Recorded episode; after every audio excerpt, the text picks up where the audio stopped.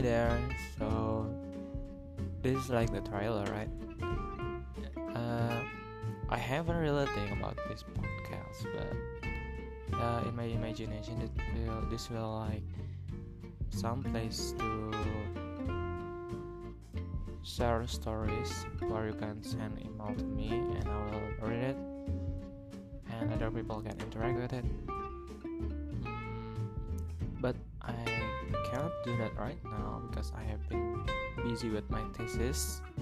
So I'll get back in touch with you when my thesis is over. Okay.